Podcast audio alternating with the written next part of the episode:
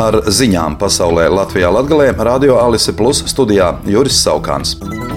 Kopš pagājušās otrdienas katru nakti Francijas pilsētās notika vardarbīgas masu nekārtības un grautiņi pēc tam, kad 17-gadīgu arābu izcelsmes pusaudzi nošāva policists. Pusaudzis atteicās apturēt savu automobīli pēc policijas pieprasījuma un mēģināja bēgt. Savukārt vakar visā Francijā pie pilsētu mērijām pulcējās cilvēki, lai protestētu pret šīm nekārtībām.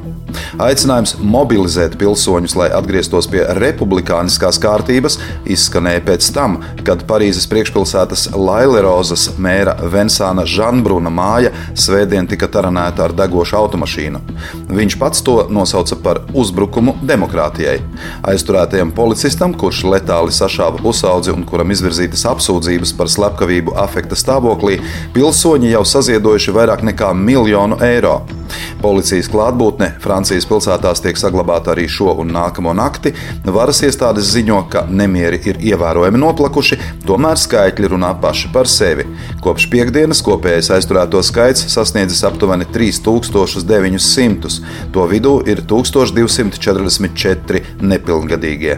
Sabiedriskā transporta sistēmai nodarītie zaudējumi Parīzes reģionā vien sasnieguši 20 miljonus eiro, bet dažādiem uzņēmumiem nodarītie zaudējumi pārsnieguši 1 miljardu eiro.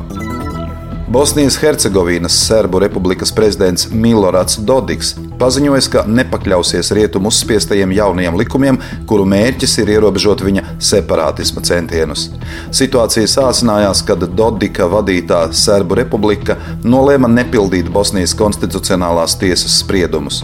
Dodiks arī paziņoja, ka turpmāk Bosnijas prokuratūras vara netiks atzīta un tiks stiprināti Serbu republikas policijas spēki.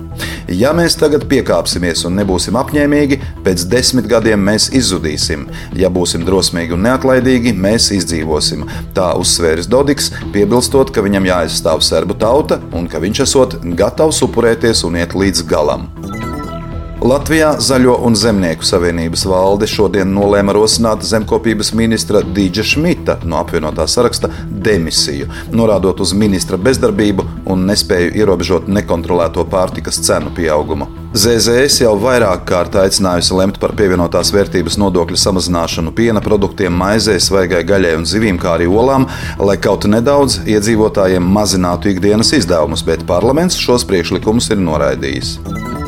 Vakar, uzrunājot diasporas kolektīvu dalībniekus Ķīpselas starptautiskajā izstāžu centrā, ministru prezidents Krišānis Kariņš no jaunās vienotības uzsvēra, ka ik viens ārzemēs dzīvojošais latvietis ir vajadzīgs Latvijai un ar atvērtām rokām tiek gaidīts mājās. Un vēl premjerministrs vēlēja svešumā dzīvojošiem latviešiem kopt savu identitāti un ieaudzināt to arī saviem bērniem. Par diasporas kolektīvu koncertu Ķīpselā šodien sociālie tīkli ir pilni ar pozitīvām atsauksmēm, taču vienlaikus tiek kritizēta pasākuma akustika un organizatoriskās nepilnības. Savukārt Twitter lietotāji ir sašutuši par dziesmu un deju svētku organizatoru aizliegumu mēģinājumos ienest jebko ēdamu vai dzeramu.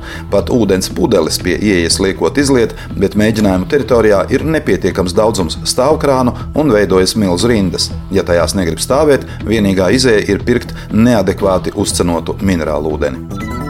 Reizeknas pašvaldība izsolīs nekustamo īpašumu komunālajā ielā 5A rūpnieciskās ražošanas uzņēmumu apbūvēi. Zemes vienībai viena hektāra platībā izsoles sākuma cena noteikta 86,700 eiro apmērā. Zemes īpašniekam būs jāveic investīcijas īpašumā, izstrādājot būvprojektu un veicot būvdarbus. Daugopils pilsētas pašvaldība šodien publiskoja aicinājumu 29. jūlijā Daugopils vienības laukumā baudīt Latgales viesmīlības svētkus Gostūs Latgolā. Šie Latgales viesmīlības kultūras un tradīciju svētki Daugoplī notiks jau trešo reizi. Vienības laukumā būs kulinārās meistarklases, mājražotāju tirdziņš, mini-zoo, amatnieku radošās darbnīcas un muzikāli priekšnesumi. Festivālu vadīs Latvijā pazīstams aktieris un šovmenis Ritvars Gailums, savukārt festivāla galvenie viesi ir kapelas augusti muzikanti. Festivālu rīko Daugopils pilsētas pašvaldības turisma attīstības un informācijas aģentūra kopā ar Šmakovkas muzeju. Ar ziņām studijā bija Juris Saukāns, projekta Ziņas bez robežām pasaulē Latvijā Latgalē ietvaros šo ziņu izlaidumu finansē Mediju atbalsta fonds.